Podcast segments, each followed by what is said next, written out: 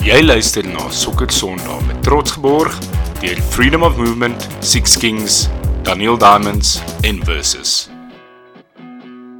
Welkom by nog 'n episode van Sokker Sondag.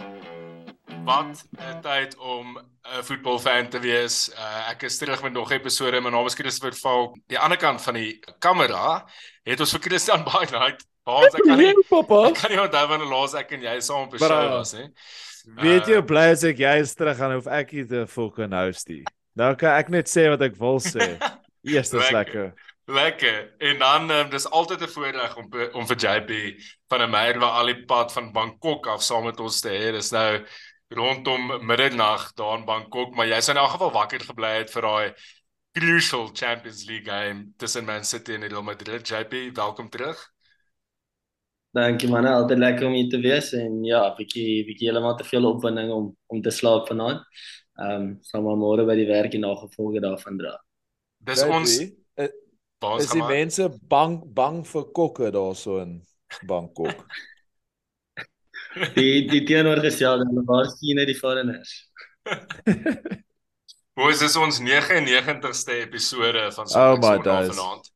Volgende week is ons 100ste episode. So dis nogal 'n bietjie van 'n milestone vir ons hier by Sokker Sondag.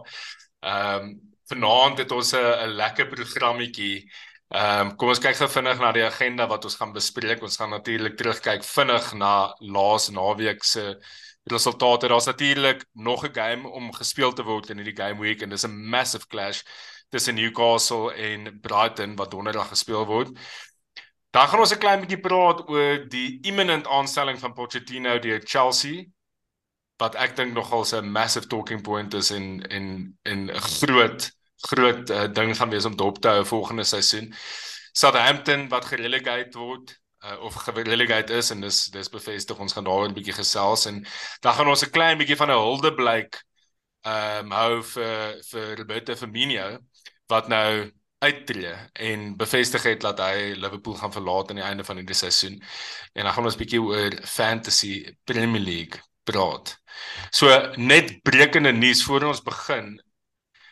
Dit het nou sopas gebreek in nuus. Ehm um, Ivan Toney is skuldig bevind ehm um, Oh. aan die breking van ek dink is to- dis 232 klagtes. Hy is skuldig bevind aan 232 oortredings van FA rules. Ehm um, hy het skuldig gepleit. Hy was ehm um, ja, hy was aangekla vir 262, maar hy het, hy het skuldig gepleit vir 232 met die klagtes. Dis FA reels, die FA het dit ondersoek, maar dis 'n onafhanklike liggaam wat die skuldigbevinding toe bevestig het. Dis 'n klomp ou regters van Engeland wat daai liggaam opmaak. En uh, wat dit so rof maak is hy mag vir 8 maande glad nie betrokke wees by enige voetbalrelated besigheid nie. Hy mag nie speel nie, hy mag nie oefening toe gaan nie en dit klink asof hy ook nie eens wedstryde mag bywoon nie. Ehm um, wat 'n massive knock is vir Brentford. Ons almal weet hoe groot deel van die span hy hulle is. Ag van, van hulle span hy is. Ehm um, en net om 'n bietjie vergelykings te, te tref. Toe Eric Cantona in 1995 'n ondersteuner in die crowd geskop het, het hy 9 maande gekry. Toe Trippier skuldig bevind was aan soortgelyke verbreeking van reëls, het hy 10 weke gekry. Wow. Nou, Tony kry 8 Dink re- maande en 'n fine van 50000 pond wat eintlik maar klein is in vergelyking met die hoeveelheid geld wat die ouens maak, maar die punt is dis ernstig hierdie en die rede hoekom dit so ernstig is is as gevolg van die hoeveelheid klagte waarna hy skuldig bevind is. Sturridge crazy. het 'n 4 maand 4 maande gekry vir soortgelyk destyds.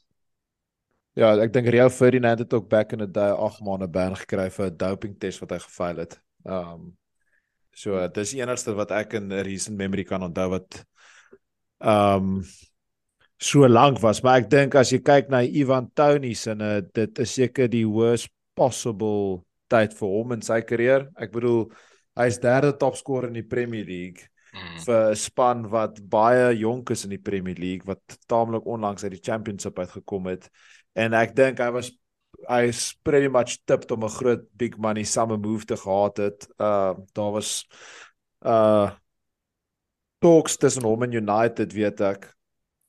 en daai gaan alles nou onmiddellik net verdwyn as gevolg van wat nou net gebeur het. So yes, ek ek bedoel ek voel eintlik sleg vir my want hy het obviously geweet wat hy doen om te bet op homself en ander mense, maar die timing vir hom as 'n professionele atleet is absoluut terrible. Dis shocking. Dit is oor die ja, periode van 4 jaar wat hierdie sorry JP, is oor die periode van 4 jaar wat hierdie gebeur het. Dit is ook nie asof dit net een of twee keer is nie. So uh ja. En as hy skuldig gepleit het op hierdie aanklagte, het hy waarskynlik geweet wat gaan kom. So hy het iets gesê. Ja, Shaks, die die volgende vraag is is of hy sal kan terugkom in daai posisie wat wat ek meen hy het nou groot deels wat moontlik vir hom kon gebeur het. Kan jy terugkom ja. na dit op maande? Geen sokker speel nie. Jy ek meen met 'n striker is daai daai instinct iets wat na 8 maande nogal nogal kan seer kry. Verseker en ja, vorm vorm is alles in in so 'n tipe in in die Premier League. Ek meen is vorm alles vir vir so 'n tipe speler. Ehm um, en hy speel by Brentford. Ek dink vir Brentford is the massive knock. As hulle dink hy vir 8 maande beteken hy gaan eers ek dink is Januarie volgende jaar weer kan Joel. Dit kan potentially ja. vir hulle in 'n relegation battle insit. Ek meen hulle het 'n great seisoen gehad. Maar sonder Tony vat hom weg, vat sy goals weg. Haal 20 goals uit uit uh, enige span in die Premier League uit en jy gaan sukkel. Ek bedoel jy te ja. kyk nou na Chelsea. Chelsea kan nie goals skoor nie. Kyk waar's ja. hulle. Um en vir veral vir 'n span van daai kaliber. Okay, hulle is gelukkig in die sin dat hulle baie goeie seisoene hulle agter hulle rug het. En ek kan nie nou vir jou presies sê of hulle dalk nog kan fight om dalk in die Europa League of die uh, Conference League te kom nie, maar as daar een ding is wat hulle moet doen is, is hulle moet regtig baie geld spandeer hierdie somer om 'n striker in te kry want die goals goals is alles in die league. Dis. Kom ons kyk 'n klein bietjie na die afgelope naweek se resultate soos ek genoem het, is daar nog 'n game wat gespeel moet word donderdag aand. Ehm um, maar as ons net vinnig deur die draft what a game by Ellen Road tussen Leeds en Newcastle United. Ek meen Newcastle, die druk word toegepas deur Liverpool op die oomblik op United en Newcastle soos wat daar in die vorige episode bespreek is. Sam, Big Sam wat klein bietjie uh van 'n magic uh moment gehad het daarso om vir Leeds terug te bring in die game. Hulle was 1-0 voor en Newcastle het teruggekom en gelyk of hulle gaan cruise tot 'n wen daar, maar Leeds wat deur ek dink is 'n center back daai daai oor daai volley geskor het aan die einde Christensen of so iets sy naam. Christensen maar, ja. ja maar great goal om hulle terug te bring in die game in. Villa wat vir Tottenham 2-1 tuis gewen het en dan Chelsea wat uh nog punte na hulle sege oor Bournemouth het hulle nou weer 'n punt gekry deur ehm um, teen Nottingham te draw 2 elk Roy Hodgson se Crystal Palace wat vir Bournemouth 2-0 gewen het so Roy Cup aan Die ouens is besig om te perform onder die man. United met baie druk op hulle soos wat ek nou genoem het, het 2-0 gewen. Ehm um, Southampton wat vasgeval het teen Fulham tuis. Southampton se se gas is is is op heeltemal en ons gaan nou nou 'n bietjie terugkyk na hulle beste tye in die Premier League. Ehm um, Brentford wat 2-0 gewen het teen West Ham. Hulle is so 'n solid span Brentford. Defensively so sound, so goed organised. Ehm um, is regtig 'n great span. Uh, Thomas Frank doen 'n great job daarso. Everton wat gekak het en Everton teen Man City. Uh Gundogan Gundogan wat deur eens ehm um, net wys hoe groot yes. DMT speler hy is. Um, Unbelievable. En hy sê dit die aansang hero. Um, en ons gaan nou nou ja, ja JP, kom ons praat gou 'n bietjie oor Gundogan actually. Ehm um, toe hy gesign het aanvanklik vir City, mis nie gedink hy gaan opkom met hierdie clutch goals waarmee hy opgekom het die afgelope nee. tyd en hè. Ja, dit voel vir my mense vergeet altyd so 'n bietjie van Gundogan in die middel van die season. Hoef my in die begin van die season is hy altyd in die in die startings en dan dan begin hy bietjie uit die starting uitval hier deur die middel. Um, maar ek dink dis nou die laaste 3 seasons wat hy coming up clutch Pep se go-to man word hierdie tyd van die seisoen. Um, ek dink met Pep Roulette is Gundogan elke jaar hierdie tyd van die jaar sy go-to man en ja. jy kan amper jy kan geld daarop sit dat hy in die starting sal wees wanneer hy beskikbaar is want ek meen hy dis nie die eerste keer wat hy doen nie. En ehm um, ek dink die naweek was dit ook daai eerste goal van hom belaglik net die touchy awareness. Ehm um, ja, teen teen Everton wat op daai punt nogal moeilik gelyk het om om af te breek. Ehm um, sterkte was in die lig na hulle groot wen teen teen Brighton en ja, die die daai goal ek dink hulle Everton se kop het ook 'n bietjie gesak daar and it's just nothing you can do about that. Um into die die free kick ook maar hy steps aside en en hy wys net wat hy kan doen. Um so ja nee, Gundogan ook so 'n groot speler, bietjie hartseer dat die kanse dink ek wel is redelik groot dat hy dat hy kan gaan aan die einde van die season. Um net met sy kontrak wat uithardloop. Um maar ja, men as jy terugkyk hierdie tyd van die season, big moments, he's he's the guy. Hy's hy's an all conversation. Massive. JP, ek kan sommer sien in jou gesig, jy is jy is op die oomblik baie happy om 'n City supporter te wees. Ek kan sien soos dis vir jou. Check my smile. Ehm um, wat is jou verwagtinge van vanaand? Ek ons ons ons ons gaan nou natuurlik die episode gaan nie eens môre gepublish wees, maar wat verwag jy van jou julle game vanaand in Real Madrid? Dit sê confident, bietjie nervy. Ek is vreeslik dankbaar dat ek gelees het dat dat Pep het beloof um he's not going to try anything funny uh, anything funny. Um wat my bietjie gerus gestel het men met hoe ons speel op die oomblik daar's geen rede om enigiets snaaks te probeer nie maar Pep het in die in die verlede al begin toertjies doen hierdie tyd is dit as 'n clutch rock in die Champions League so ek's opgewonde obviously baie nervy um as ons vanaand hier deurkom dan dan dan raak dit realisties om om opgewonde te raak oor die treble hmm. Ek dink daai en ons gaan seker nou daar praat in 'n sekonde uh Falkie as jy praat oor die Arsenal um result teen Brighton, maar ek dink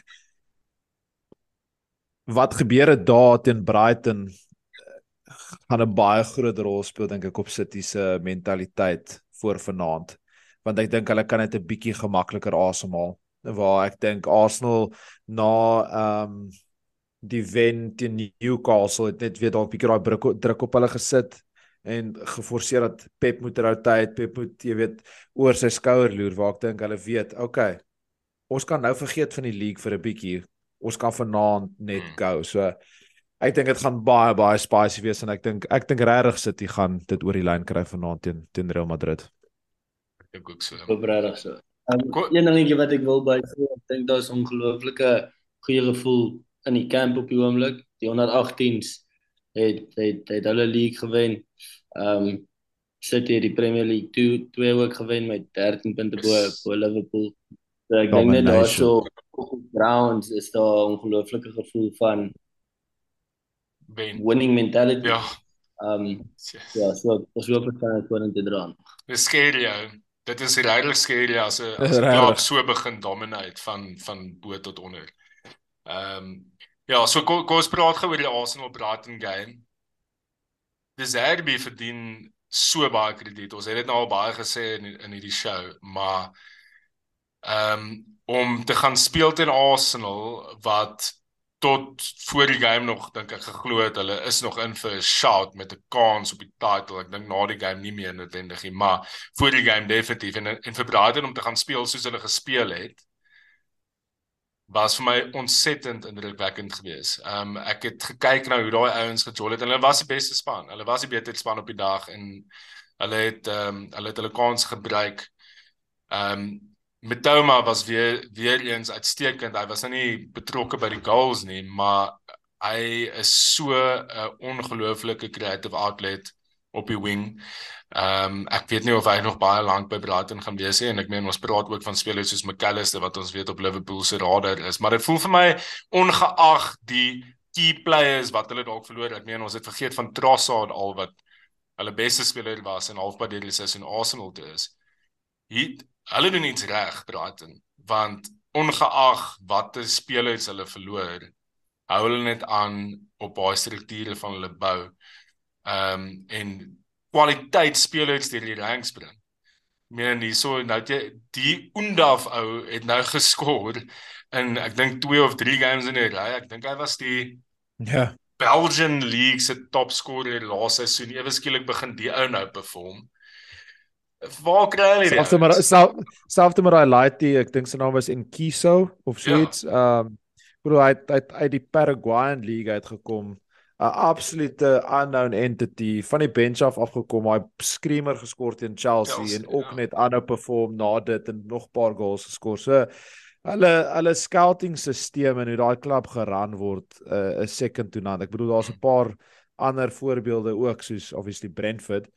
En snaaks genoeg ons gaan seker later oor hulle praat hoe Southampton geoperate het in die verlede. Mm.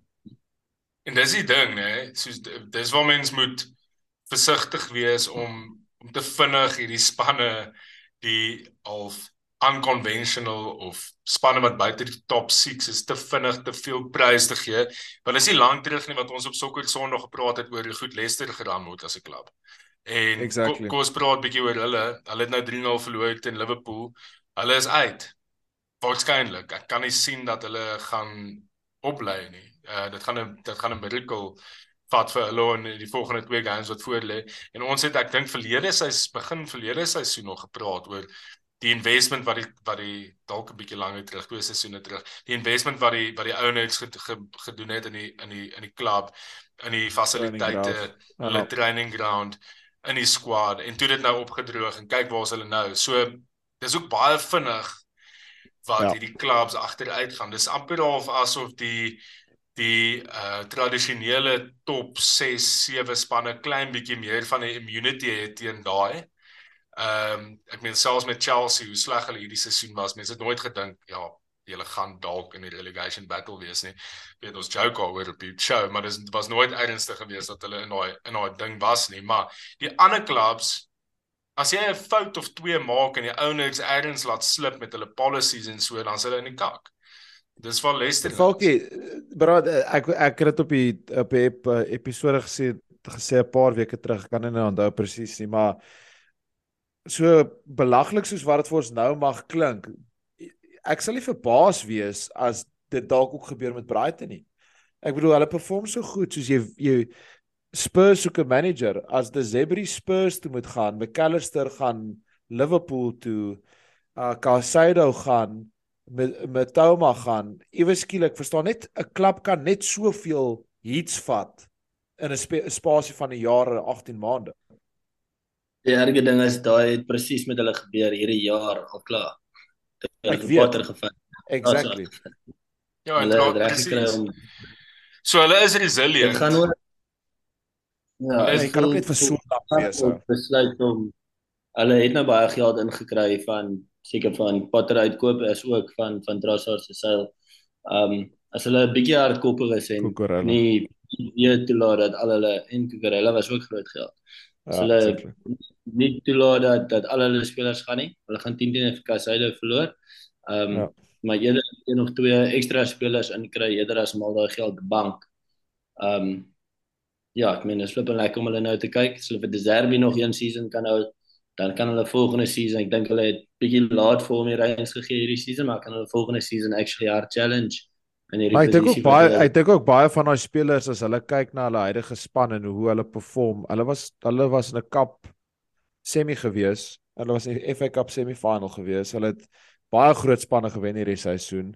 En as baie van daai spelers moet links en regs kyk van hulle, jy weet, hoe, hoe baie van hulle gaan in 'n top 6 span instap en dalk staan dalk argumenteer hulle, weet jy wat, ons het 'n great manager.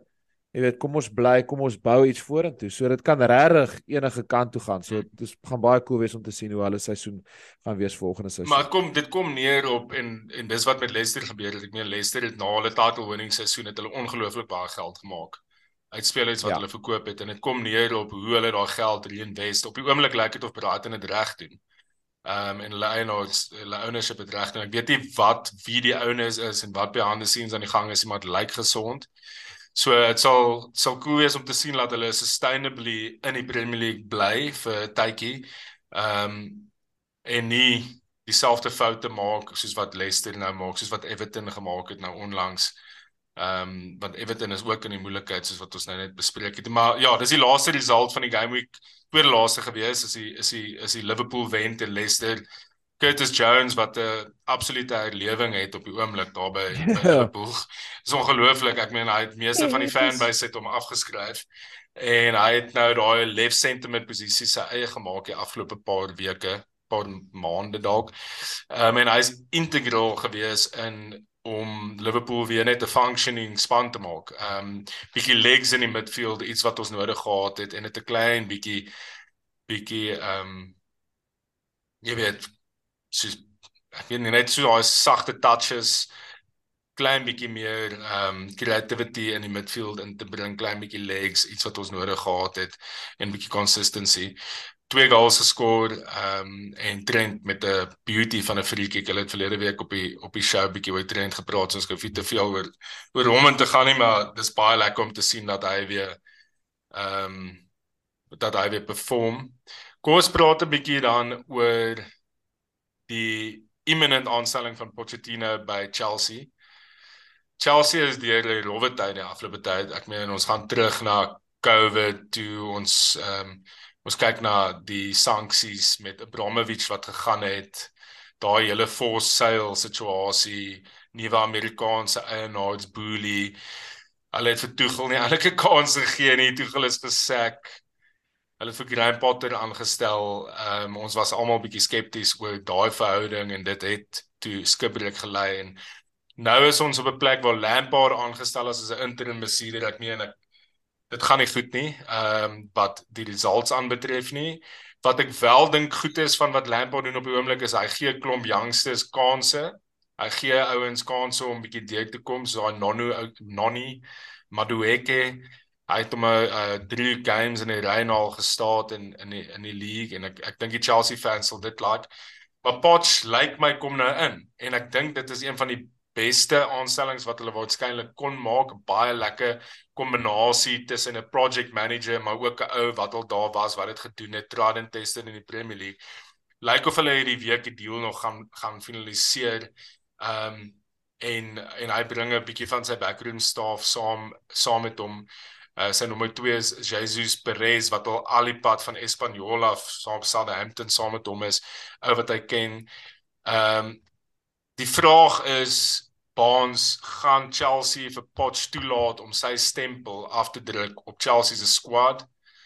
Ehm um, en dan die tweede vraag wat ek het is, is hoe groot is die uitdaging om daai squad om die, om van die deadwood ontslae te raak? Is dit sy eerste job? Die die die antwoord op die eerste vraag is hulle moet. Soos Chelsea kan nie bekostig om hierdie verkeer te kry nie. So hulle moet vir Pochettino oorlaat om te doen wat hy moet doen om die beste te kry uit hierdie squad wat hulle ek wil nie eers weet hoeveel miljoene ponde opspandeer het om bymekaar te samel nie. Ek as jy kyk na die spelers wat hulle bymekaar gebring het, glo ek daar's genoeg potensiaal om hulle drasties te verbeter in vergelyking met waar hulle was en ek dink regtig Pochettino is die regte manager om vir hierdie groep spelers um beter te maak. Op jou tweede vraag, um ek glo en van wat ek kan hoor het die negotiations nog al 'n hele tydjie aangegaan. Um ons praat hier van naby 4 weke. So ek is taamlik seker dat Pochettino het klaar 'n lysie van die ins en 'n lysie van die outs bymekaar gesit en ek is seker hulle almal het gesê, "Oké, okay, dis reg. Hierdie is die ouens wat gaan bly. Hierdie is die ouens wat ons gaan werk om uit te kry." Want die ding is, um Chelsea is obviously baie baie infamously um ge gecover hierdie seisoen waar daar letterlik spelers geteken en Januarie wat nie eers hulle eie locker het in die dressing room nie en buite in die gange moet jy weet uittrek voordat hulle kan gaan train. So daar is net hopeloos te veel mense en hulle, hulle moet trim. So ek dink regtig dis die regte aanstelling, maar net as Pochettino letterlike figure Kaap launch het om te doen en hierdie projekte vat in die regte rigting.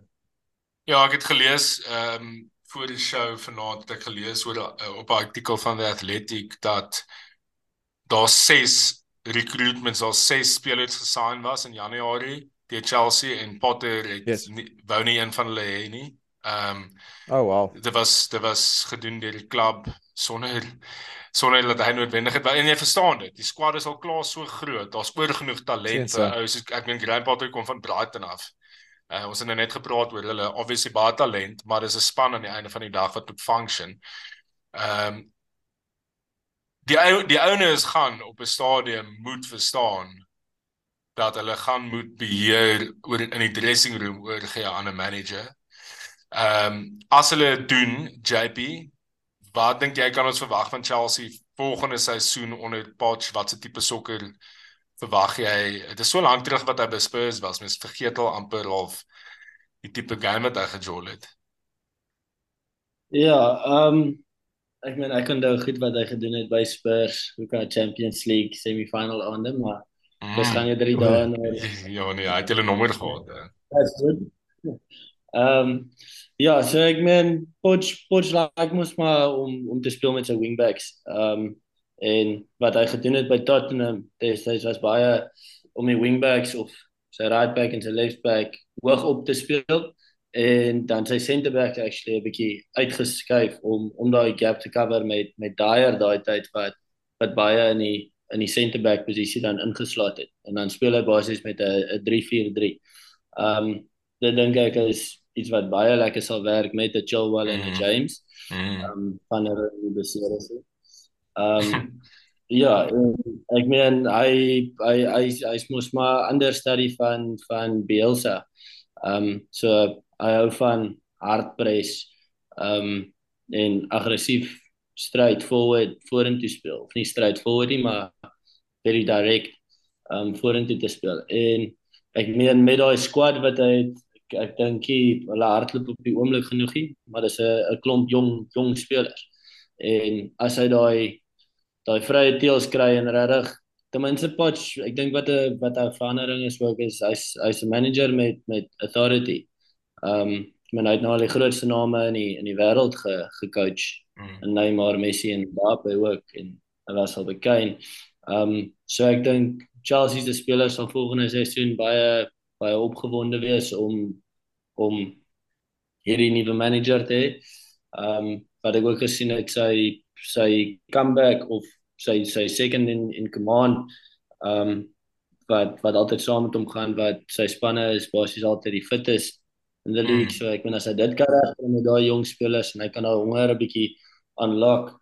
Um ek meen die squad wat Chelsea het, is glad nie veronderstel om in 11de te sit nie. En ek ja. dink as hulle inkoop en hulle het 'n goeie 'n goeie afseisoen en die spelers koop in en wat hy hy wil doen en wat hy kan doen. Um dan dink ek kan dit baie exciting times wees vir Chelsea wat voor lê. Die klub gaan wel vir hom bietjie moet ondersteuning gee en vertroue gee en ook vir hom toelaat soos julle gesê het die mense in te kry wat hy moet inkry en almal ontslae raak wat wat hy nie sien in sy squad nie want ja dit dit help jy sit met 31 spelers um en jy kan net 25 in jou jou squad register. Hmm. Ja, ek dink JP raak aan 'n baie goeie punt um dat Poch het nou al die egos op sy CV gekry. En dit gaan dat baie van hierdie jonger ouetjies wat dalk bietjie entitled voel op die oomblik as jy kyk na ouens soos Joao Felix as hy gaan aanbly Kai Havertz uh, Enzo Fernandez ensovoorts hulle gaan vir hom luister because he's done it. En dit het hy nie noodwendig gehad op sy CV toe hy by by Spurs was en spesifiek by PSG nie. En ek dink die grootste ding wat Poch doen um is hy maak spelers beter. As jy kyk na sy daar by Southampton, as jy kyk na sy daar by um by Spurs, hy maak regtig individuele spelers gebaseer op die taktieke wat JP nou uitgelê het, maak hy beter. En dis 'n klomp jong spelers wat beter moet word en ek dink hy gaan baie van hulle beter maak. Die vraag is net wie.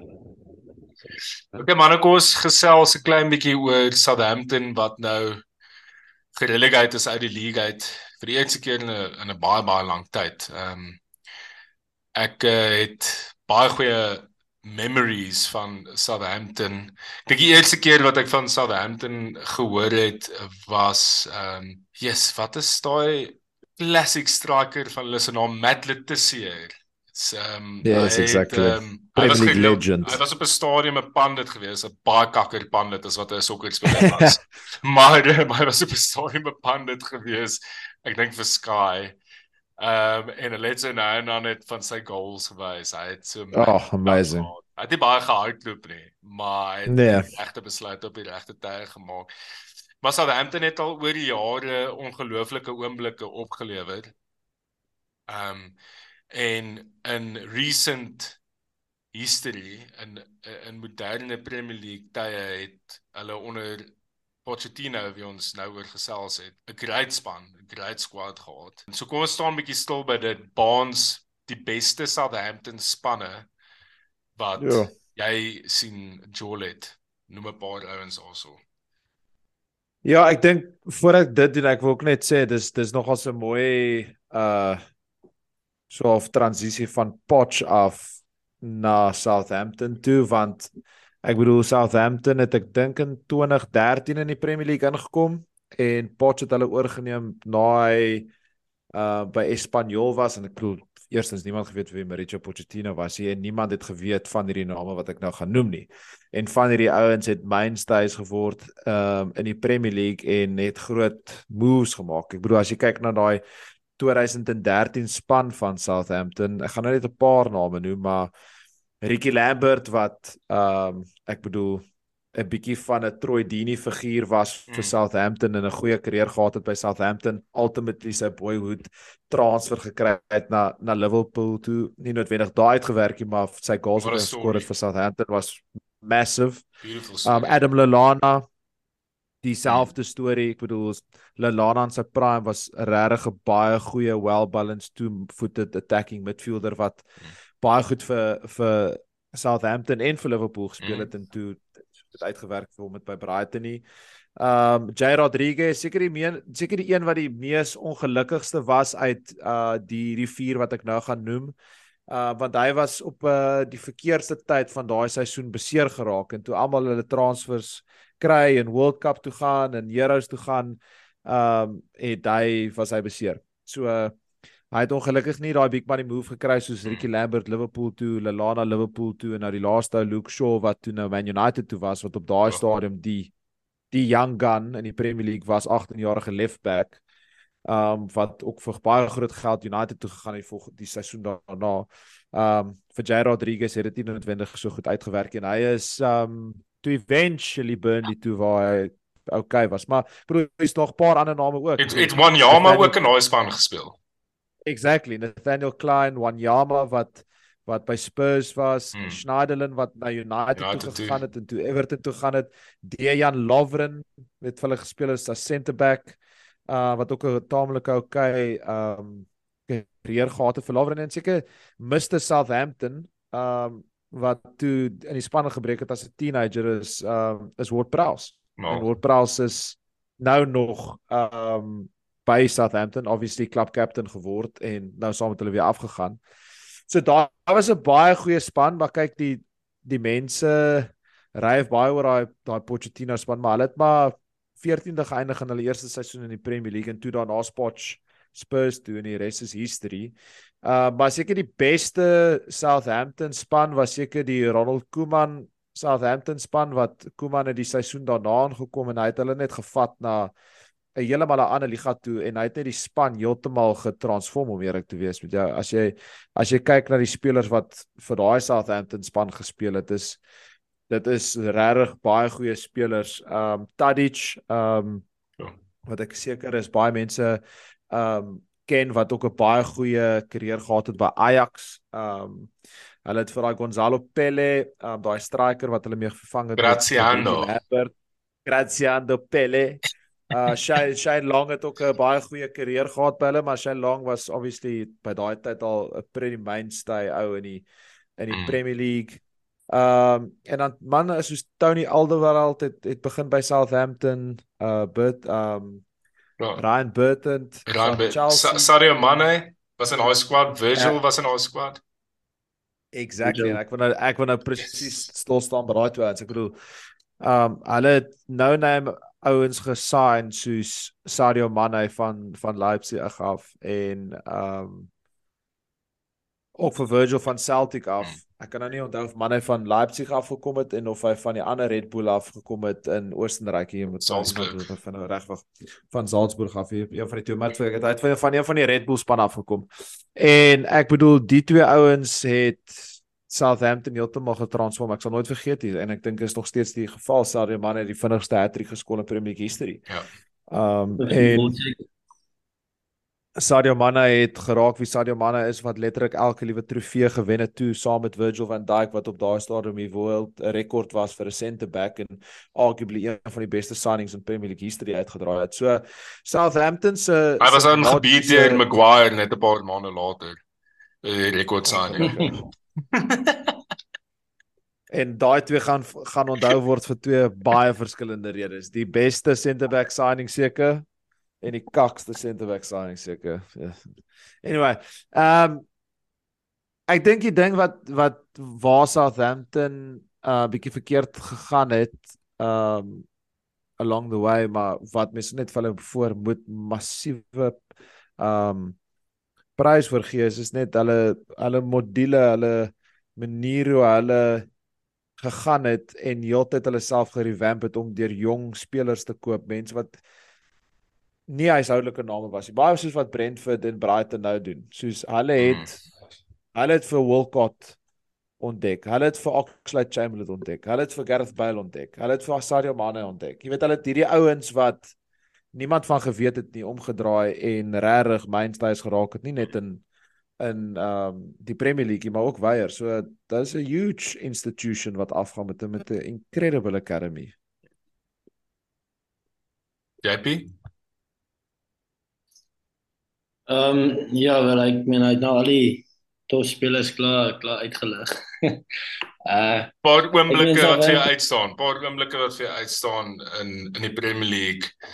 Uh wat van Southampton se kant af gekom het. Ek meen ons ons het ons het die ouens gesien ons hulle hulle was bietjie giants layers gewees op 'n stadium in die Premier League onder daai onder Ronald Koeman in daai liga gewees en hulle was op 'n stadium met hulle begin gereeld inbreek in die top 8 in uh toe dit bietjie moeiliker was om dit te doen. Nou is daar heeltyd half 'n ander span, dis heeltyd 'n Villa of 'n Brighton of elke seisoen is dit 'n ander span, maar Southampton het heeltyd geflirt met half European spots op 'n stadium in, in daai span ja, wat ons van gaan Bro, hulle het in 20, hulle het in 20, wat is dit nou? Hulle het in 2015, Desember van 2015 het daai rol Koeman span byvoorbeeld vir Arsenal 4-0 gewen.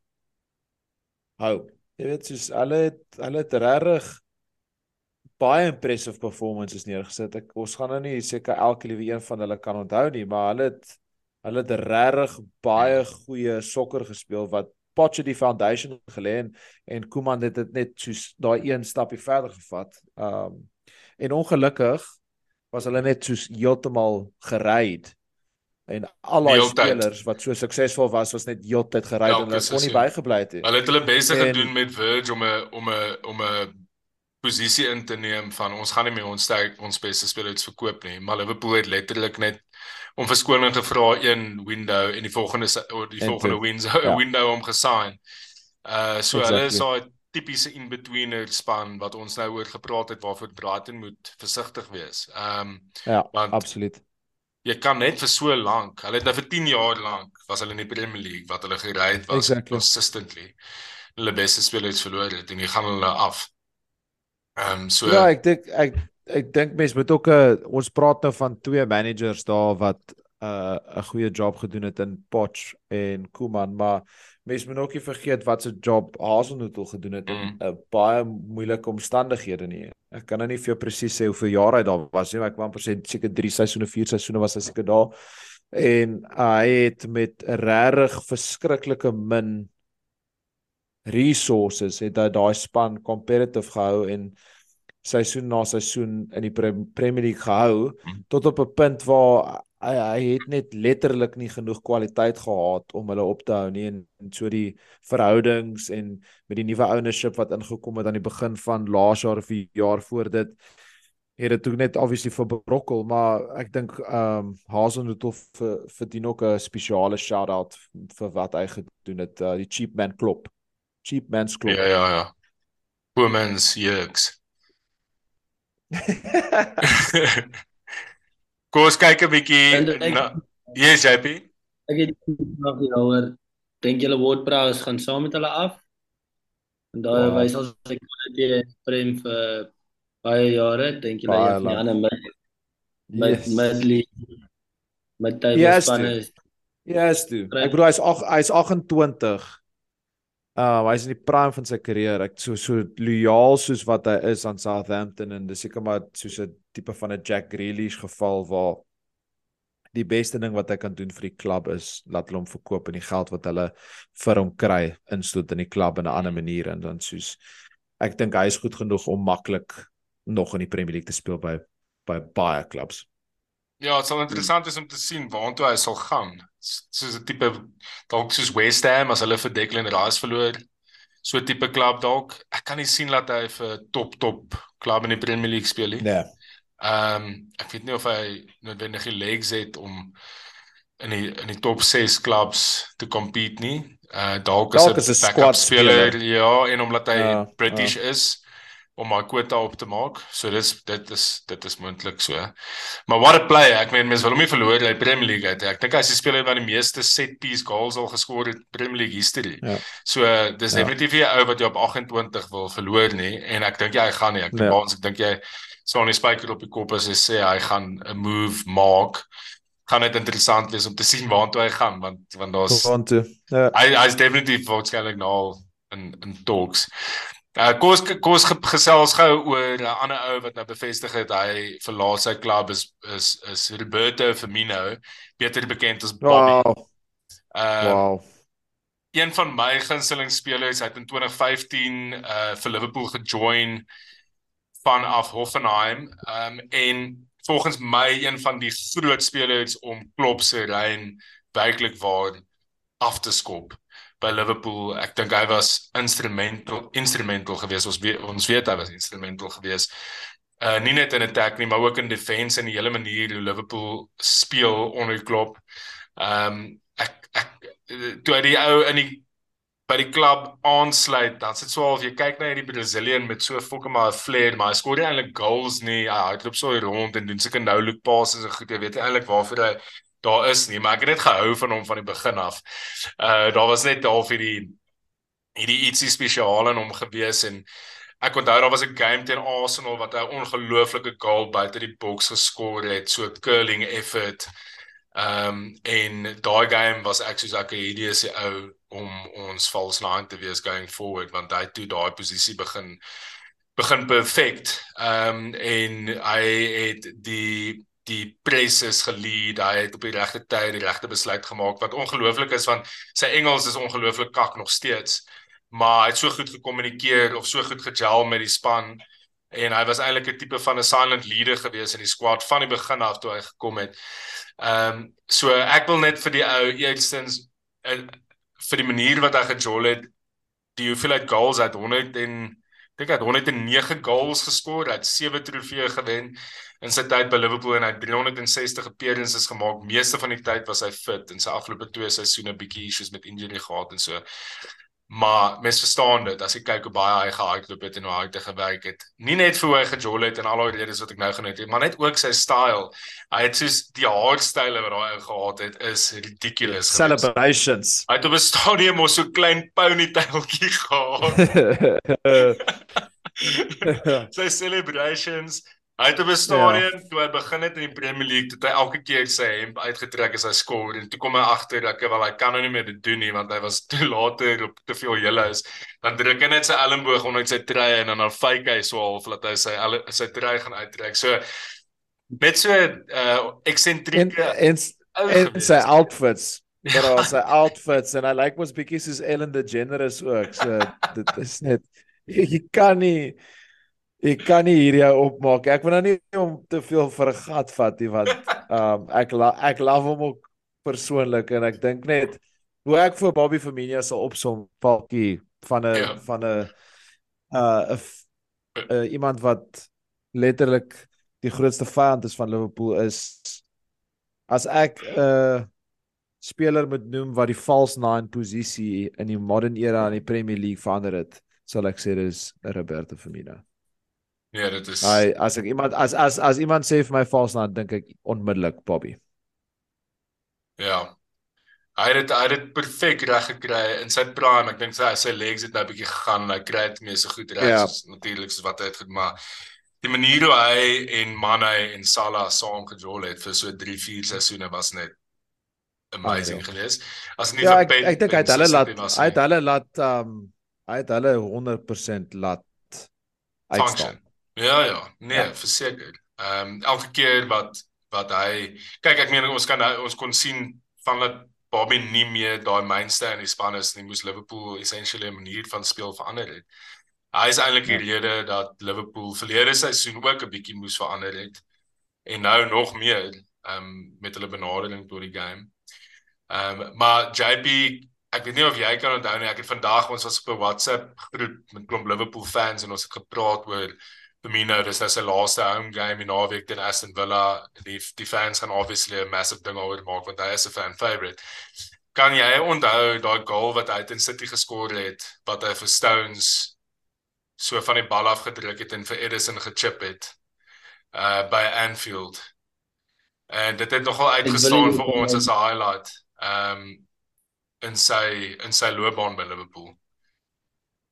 Ja, ehm um, ek wil dit onthou nie, maar ek ek ek onthou dit 'n bietjie in 'n rabbit hole gegaan het toe ek 'n uh, Bobby van my nou toe toe ek gelees het op die agenda te gaan kyk 'n paar Bobby YouTube video's. Ja. Ek het in 'n rabbit hole gegaan. Soos die ou het daai absolute Brazilian flair wat mens stereotyp aan hulle koppel was hy 'n icon van. Ehm um, en meer as net sy goals, baie van sy goals was met met random chippies maar sy assist ook sy Ja ja. Mm. no look passes, no look Oh, no looks. ook, maar- Ja, that's amazing. Ja, no looks, die little heel flicks. Um ek meen Mane en Salah het te veel goals wat hulle net kan dankie sê vir hom oor iets wat nie daar was nie. Hy was net 'n uitstekende playmaker ook gewees en um soos Barnes ook nou gesê het net daai false nine rol hy hy het dit revolutionise. Um eintlik het dit sy eie gemaak en hy gaan definitief gemis word in in die Premier League. Um ek dink al het ek 'n paar seer memories van hom, soos daai chippy wat jy nou uitgelig het daar. Mm. Um as hy definitief een van daai spelers wat in die Prem gemis gaan word, soos Ja. 'n goal van van Bobby was of ja, hy het al baie crucial goals vir hulle geskoor ook, maar meer as dit al was dit in 'n die tweede en die derde goal in 'n in 'n 6-0 wen, die Bobby goal is gewoonlik nogal jy jy wil daai highlight kyk. Hy word Hulle is dalk geselebrate. net vir die celebrate. Ja, Ja. ja. Ehm ek meen in die in die game die seisoen teen United toe ons 7 geskor het, het hy die laaste goal geskor. Ehm en ek dink dit was die goal wat die meeste geselebrate was van al die van al die goals in daai game. Ehm en dis dis interessant wat jy dit nou noem. As jy kyk na sy goal scoring rekord, dis 109 goals in 360 appearances. Dis glad nie sleg. Ek meen dis dis een elke 3 games amper wat hy geskor het. So die ou het het gereeld ingechip en hy het baie kritiek gekry deur die tyd wat hy in die Premier League was en veral toe Liverpool nou op hulle beste was. Ehm um, as 'n forward wat nie genoeg skoor nie. Uh, maar ek dink as jy na sy sy stats kyk soos wat ek nou uitgelig het, is dit eintlik heel decent wat goal scoring. Ek praat ons het nie eens na die assists gekyk nie wat ek dink nog meer indrukwekkend is. Ja, so hierdie hierdie game week ehm um, hierdie game teen Villa by Anfield gaan groot wees want die die travelling Liverpool fans by Leicester die naweek het die heeltyd sy sang gesing. Ek meen hy hy was nie eens op die bench, hy was daar, maar hy is nog beseer. Ehm um, maar dit is bevestig dat hy minute gaan kry die naweek. So ek dink is nogals iets om dop te hou en vir my as 'n Liverpool fan massive. Ehm um, kom ons beweeg aan na 'n 'n huge game in die top 4 race. Newcastle host vir Brighton. Uh dis nou donderdag aand in die laaste game van Game Week 36. En ja, Newcastle het nou opgeslip deur om teen Leeds te draw daar 2-1, ag 2-1 en hulle is 'n punt bo Liverpool uh op hierdie stadium en daar is nou nie room vir error vir vir Newcastle nie. Uh, Barnes, jy is is die vibe op die oomblik daar? Dink jy hulle nip 'n bietjie? Ek ek dink Brighton gaan fearlessly gaan en en en daai game dominate om eerlik te wees met jou. Um ek dink Newcastle het 'n taamlike lang seisoen agter die rug in die afgelope twee games het ook baie het hulle gevat uh wat hulle 2-0 verloor het teen um teen Arsenal en toe gaan draw teen Leeds. Dit lyk asof hy stoom 'n bietjie min raak waar ek dink Brighton is in presies die teenoorgestelde posisie. Seisoens klaar. Niks om voor te speel behalwe soos wat Konna sal sê vibes nie. En hulle is letterlik nou net uh vir Arsenal 3-0 gewen. So ek kan gaan sien hoe hulle 'n groot result kan kry daar by St James's. Um en hulle het al hoeveel keer die seisoen gewys dat hulle kan toe te toe gaan met met die beste spanne in die league. So ek ek ek voor, voorspel 'n taamlike groot upset op die kaarte en en Brighton gaan vir Newcastle wen. Kyk, dit is dit is waarskynlik die twee spanne van die seisoen, hè. Newcastle en Brighton. Ja. Ehm um, ek ja. weet niemand sou aan die begin van die seisoen gedink het hulle sou hier in die European spots gechallenge het nie. Niemand. Ehm um, ongeag Newcastle se nuwe geld. Ek meen ons het al gepraat oor hulle signings. Dit is asof hulle belaglike geld spandeer het. Die Eddie Howe het net 'n amazing job gedoen en en by Brighton Graham Potter en Tio Desiree. So ek hoop is 'n goeie game. Dit die Gaan die fixture die fixture verdien 'n goeie game. Ehm um, en ek dink dit gaan nie in wees. JP wat wat verwag jy van daai game? Wat dink jy gaan die die resultate daar wees? Ek dink die Newcastle fans sal bietjie sal sal lekker stres voor hierdie game. Ehm um, ek um, is die teenoorgestelde as jy nou gesê het met daai slip teen Leeds. Ehm um, Brighton se sterkte is in die lig. Ek dink mm, ja. die Newcastle fans by wat dit wees op oomblik. Ehm um, ek dink wel Newcastle sal fyn wees in die top 4. Um no more room for error then. No more room for error um, as hulle kan wegkom met 'n punt vanaand dink ek dit dit sal actually Newcastle se kant goed wees eerder as wat dit 'n upset sal wees met die vorm waar Brighton is op die oomblik. Um, ek dink Brighton het 'n bietjie laat gelos om te challenge Boonte. Ek dink Liverpool gaan gaan die punte drop die season nie en dis meer op Newcastle en United wat moet seker maak hulle drop nie punte nie eerder as wat hulle moet hoop dat Liverpool slip. Ehm um, Ja, maar my my my geld is op op Brighton actually vanaand. So jy dink Newcastle as hulle teen Brighton verloor vanaand gaan nog steeds stop voor maak. Ek ek is net ek kyk na ek nog steeds daar by 1 punt bo. Mm. Hulle hulle gaan net nog nog enigsins foute kan maak. Okay. Ek kyk net na daai Chelsea away game op die laaste dag van die seisoen vir Newcastle. Ja, ek dink Ek dink daai is daai is Newcastle se game. Ehm um, ek dink vir laaste game dan maybe om vir Lampard iets maybe Lampard 'n ongelooflike team chat in die in die ding maar ek dink Chelsea spelers wil meer hierdie season net agter die rug kry. Um, ja, ek stem saam so. Ja, ek dink Newcastle daai tyd gaan hulle hulle gaan moet, moet op top vorm wees maar ek dink ook net hoe hulle fans vir hulle sal die, sal in die stad die atmosfeer het in daai stad.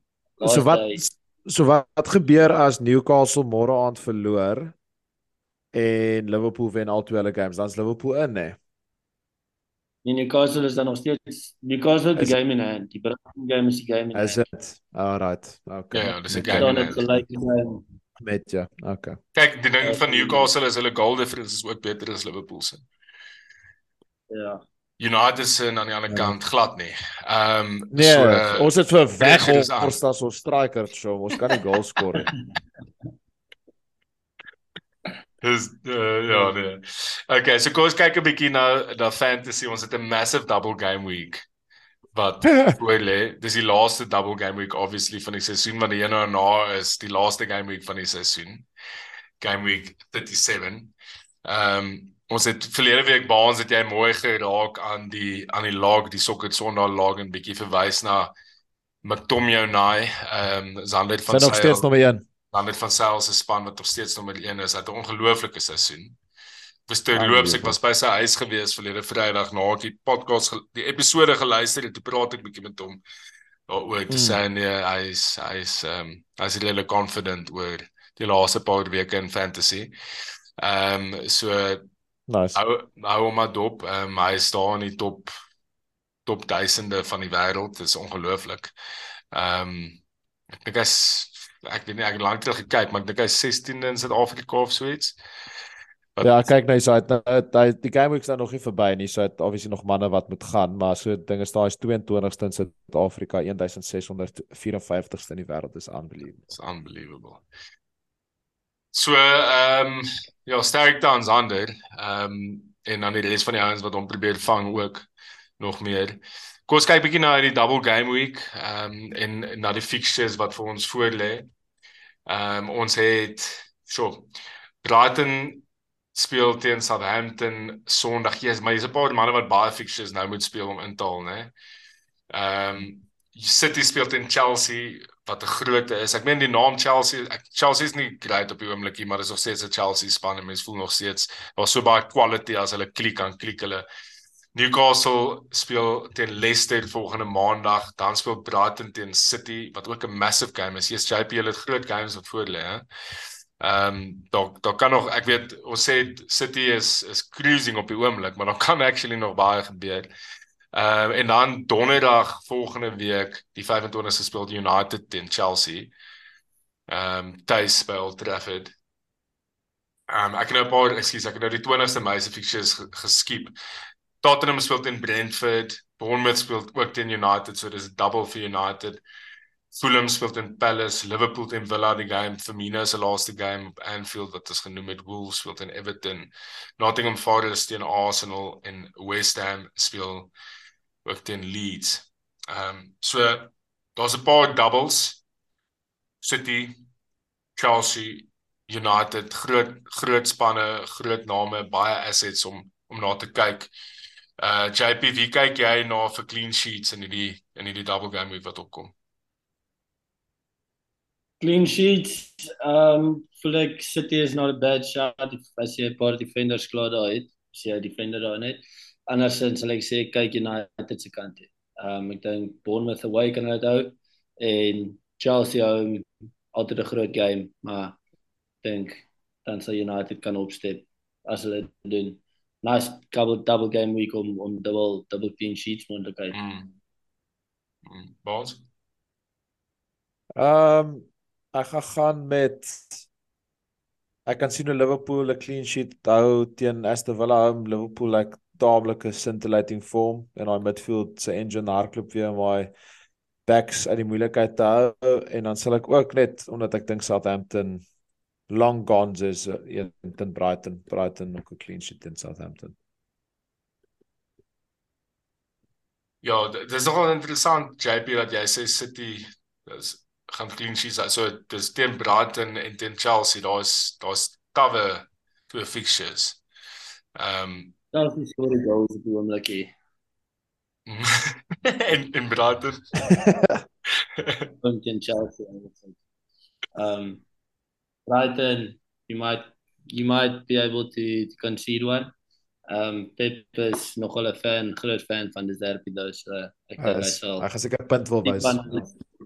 En ja, sal weer doen die defend en hom.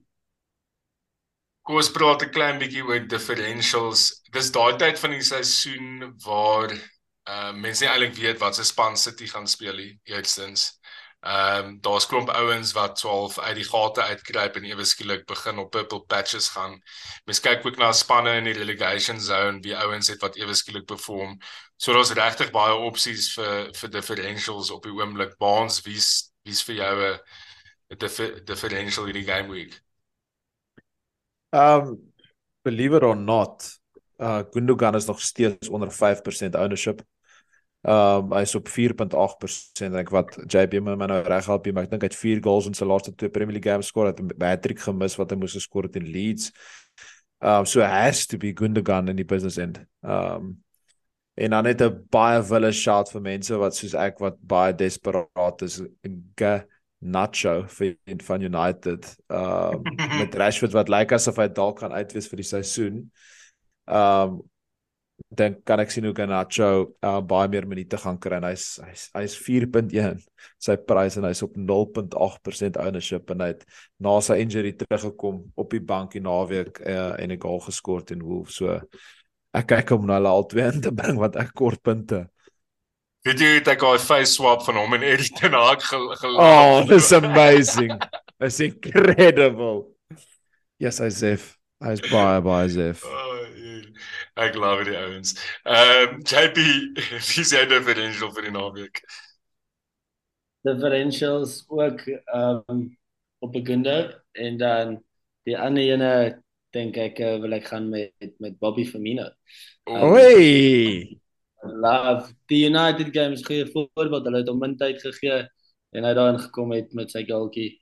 Ehm um, ek dink hierdie naweek last home game fans van yes, hard ja. agter. Nou as ek sommer lus om hom in te bring, bro. Captain of Falcon, captain of. JP met hom. Dan standing ovation vir die afgaan. Hulle sal hom nie as hy sou oor. So wat sê hy? Hy gaan ja. op hy gaan o, sê hy sal hy gaan staan sê. Ek dink hy sal start. Hy sal start 60 70ste minuut afgaan met 'n standing ovation. Yes, ek love it, JP. Ek ek love it goals. Okay boys, dan Cappy call hierdie naweek. Weet ons dit vir Haaland in die league en ons ons weet wat hy doen. Kom ons praat 'n bietjie uit die perspektief van ouens wat die wat die mini leagues wil klim soos Baans soos jy. Ehm um, jy kan nie vir Haaland captain nie. Jy gaan iemand anders moet captain nee, as jy nee, wat, nee, nee, so wie nee. kos kyk kyk na wie kyk jy op hierdie stadium? Nee, Gundogan, regtig. Ek bedoel, ja, dis daai tyd van dis kitchen sink tyd. So dis ja. ja, so ek dit ek vat dit vat dit terug vir jou so was dit twee seisoene, drie seisoene terug, ek sal nooit vergeet nie. Dit is 'n triple cappy. Nee, nee, nee, nee. Daai het ek vir af. Ek weet dit is. Bra moet ek vir Nicolas Pepe captain. Onthou jy daai? Ja. Jy gaan staan skor Nicolas Pepe twee goals in die dying embers of the season. Ja. Wat vir jou sou ge oorgevat het. So ehm um, nee, op ernstige ja, noot Gundogan is in is in baie baie goeie vorm. Ek, ek kan regtig sien hoe hy dit aanhou doen. Hy's in die groove. As jy kyk na net ehm um, sy returns die afgelope paar games. Dis nie net hierdie een goaltjies nie. Hy's op hy's op massive double digit goals. Ek bedoel sy laaste twee games teen Everton het hy 19 punte ge, gemaak. Hy twee goals, een assist. En teen Leeds het hy 13 punte gemaak en hy het 'n penalty gemis. So has to be has to be Gunda. Dit is vir my moeilik om te om te justify dat hy Sondag 21ste Mei gaan staat en dan weer Woensdag 24ste Mei. Ehm um, en of hy genoeg minute gaan kry om dit te justify. Ja, dis um, dis dis dis die enigste ding. Maar dis so met enige een van daai City spelers en jy gaan teen teen in hierdie tyd van die seisoen wie anderste is so explosive soos wat City wat hulle hulle, hmm. hulle skor elke game 2 3 goals. Ja, ek het maar my captaincy ingelok op Salah tot die einde van die seisoen dink ek. Ehm um, Dis ook 'n goeie shot. Want ek weet maar net hy speel 90 minute. Ehm um, ja. en hy Dit is 'n baie goeie vorm en hy perform. Uh, JB, wie dink jy is die cap captaincy call? Ek dink jy jy moet met City gaan met die double game week. Ehm um, indien dan nou goed uitkom om te sê Rashford is is fit ehm um, voor die naweek big shout vir hom. Um andersins sal ek uh, my my captaincy sal wees op Holland. Ek uh, voel hy sal die laaste games van die season speel. Kyk om 'n rekord bietjie untouchable te maak. Um hy sal lus wees om om nog 'n laaste paar by te sit by dit. Um andersins is ek saam met saam met Bonzi op uh, op 'n Gundogan. Ek dink is very favorable. Like it. Ja. Love it. Dis definitief die eerste keer in die geskiedenis van sokker Sondag wat ons twee ouens het wat sê hulle captaincy calls is Ilkay Gundogan. Ek love it want ek dink hy verdien so baie krediet. En soos ons nou net gesê het, hy is maar net 'n massive ehm um, sy's 'n clutch speler en hy hy, is, hy trek dit altyd weer die lyn. Ek meen hy was dit verlede seisoen wat hy daai daai laaste goal vir City geskor het om dit om dit te ja. confirm. Ehm um, toe toe Liverpool ja. Ehm um, so close gekom het. Ehm um, en ek ja, hy hy's maar net een van daai ouens wat hy's 'n purple hy's 'n purple patch player. Hy gaan deur hierdie hy gaan deur hierdie oomblikke wat hy net soos dan perform hy soos vir 'n spasie van 5 tot 10 games en dan daai bietjie weer af. En dit voel net vir my hy's net nou weer in hierdie in hierdie purple patch en jy moet dit net skal arrive at my. Daai het hulle boys dit. Baie dankie vir nog 'n episode van Sokker Sondag, ons 99ste episode. Wow. Ek verby uh volgende week neem ons ons 100ste op. So julle moet asseblief luister en ons sal 'n bietjie op social media push en julle moet hulle insette gee en vrae stuur en so voort vir daai 100ste episode. JP baie dankie dat jy ingeskakel het al die pad van Bangkok af. Sterkte vir City. Ehm um, gaan 'n groot wees en 'n lekker game wees om dop te hou. Nou kick-off is bietjie oor bietjie meer as 'n half uur teen uh, teen Real Madrid. What a game gaan dit nie wees op die Etihad nie. Uh Bonds, dankie dat jy weer ingeskakel het. Ehm um, dis lekker om weer 'n bietjie saam met jou op te neem en ons praat binnekort boys. Dankie vir 'n lekker show en alles van die beste. Bye.